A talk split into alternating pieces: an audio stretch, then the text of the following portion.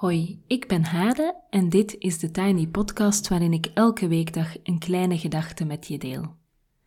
Vandaag is het 21 december 2020 en vanaf vandaag tot en met volgende week vrijdag is er elke dag een kerst- of nieuwjaarsgedachte. En niet van mij, maar van allerlei mensen die me een kerst- of nieuwjaarsgedachte hebben ingestuurd. Waarvoor veel dank. Vandaag is er het verhaal van Anne. Anne is een cursiste van me, een fan van het eerste uur. Ik ben heel blij dat, we al een, dat ze al een tijdje in mijn leven is. Ik ervaar haar als een rustige en wijze vrouw. Maar in het verhaal dat ze dadelijk zelf voorleest, ben ik wel wat nieuwe dingen over haar te weten gekomen.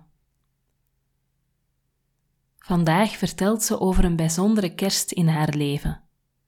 Het begint heel gemoedelijk aan haar keukentafel met de koffie die doorloopt op de achtergrond. Maar voor je het weet, zit je in een verhaal over een erge ziekte en een auto die niet start. Anne, dank je wel om dit te delen. En voor iedereen, geniet van het luisteren. Goedemorgen, het is zondag 13 december, kwart voor acht ondertussen. Uh, de koffie is aan het doorlopen en ik zit hier klaar met uh, mijn nieuwjaarsbrief voor 2020. Ik ga voor een nieuwjaarsbrief met een terugblikje op 2020 en het verhaal van een van de speciaalste kerstperiodes uit mijn leven. En ik begin zoals het hoort bij een nieuwjaarsbrief.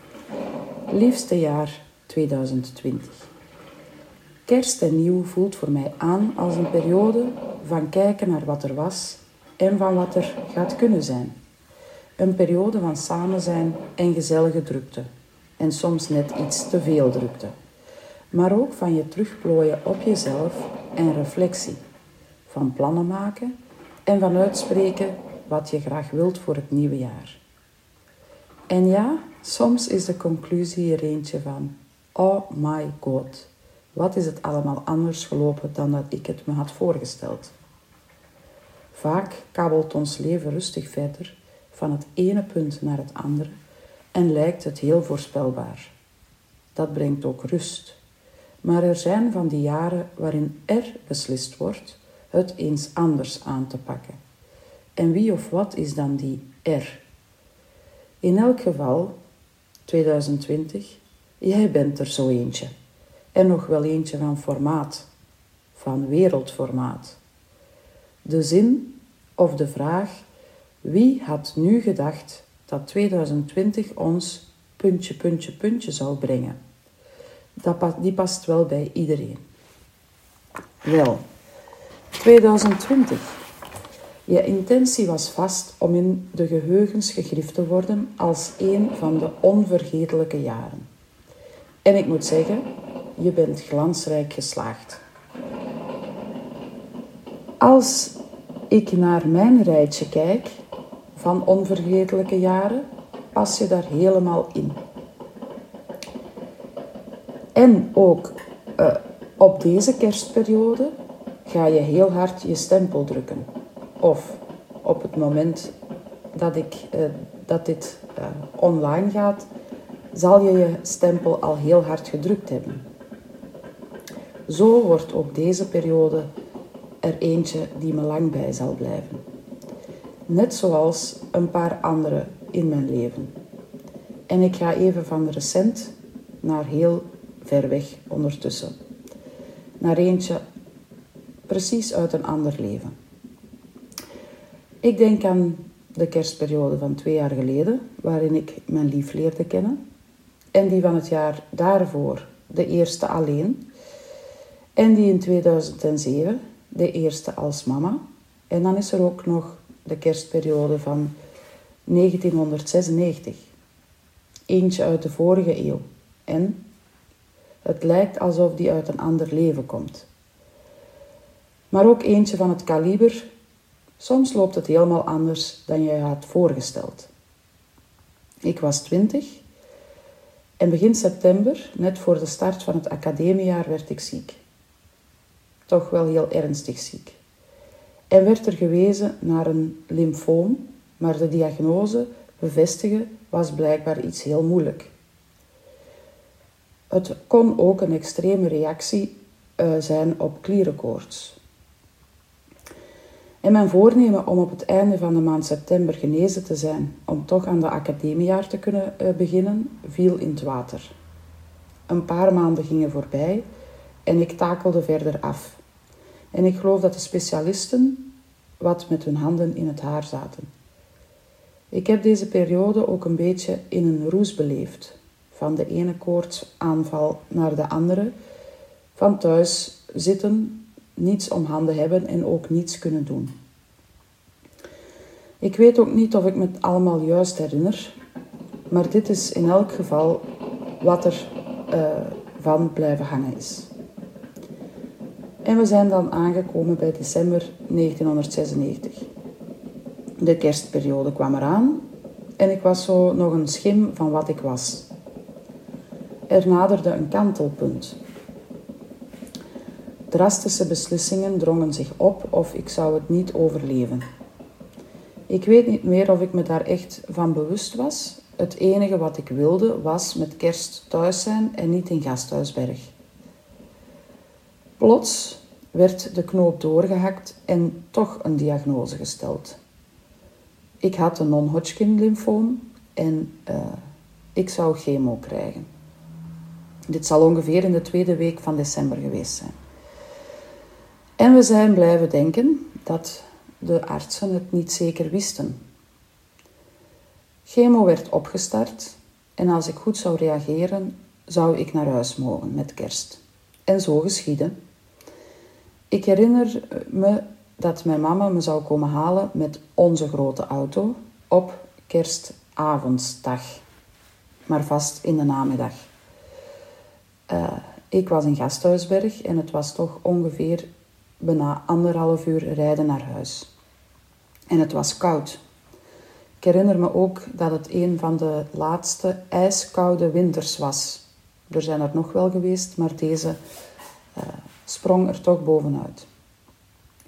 Gepakt en gezakt wilden we vertrekken uit Leuven en het was nog licht. De auto startte niet. Wat nu? Europassistance werd gebeld en we moesten wachten. Dan ging het universum er dan toch nog voor zorgen dat ik met kerst niet thuis zou zijn? Het toeval wilde dat mijn ouders in de zomer daarvoor het nog gehad hadden over die verzekering.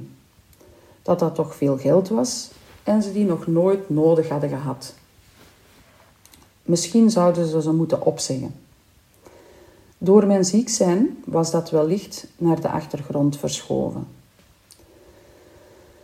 En hadden ze het dus niet opgezegd. Oef. We brachten een deel van de namiddag door in de cafetaria van Gasthuisberg.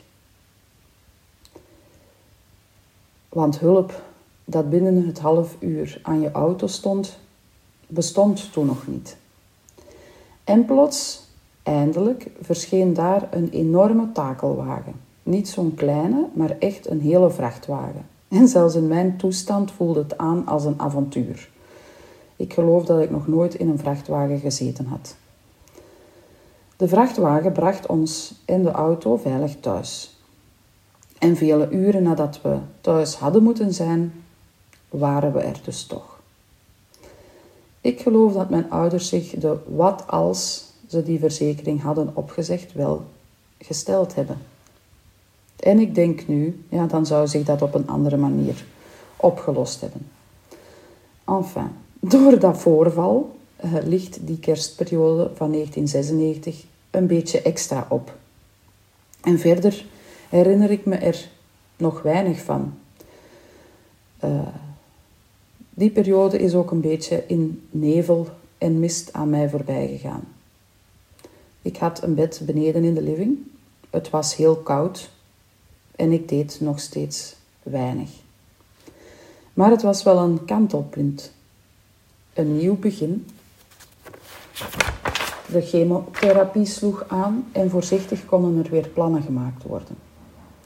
En verder gekeken dan dag per dag. En gaat dat nu ook zo zijn 2020? Is de overgang naar 2021 een kantelpunt? Ik vraag het je. Ik zou dat heel fijn vinden. Want ik ben er moe van, van het plannen maken en ze honderdmaal te moeten bijstellen. Ik ben toe aan een jaar waarin het weer wat voorspelbaar wordt. Waarin het weer wat mag kabbelen. Na jouw uh, knaller van een jaar 2020. En dan rest mij nog af te sluiten zoals het hoort. Anne, Broechem, 1 januari 2021. 2020, je mag gaan. Twaalf bijzondere maanden zijn voorbij. Nogmaals dankjewel Anne. Morgen meer moois. Tot zover voor vandaag. Je kan me volgen op Instagram, TheTinyPodcast.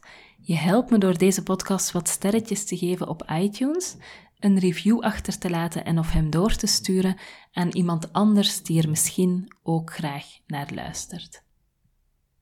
Tot morgen.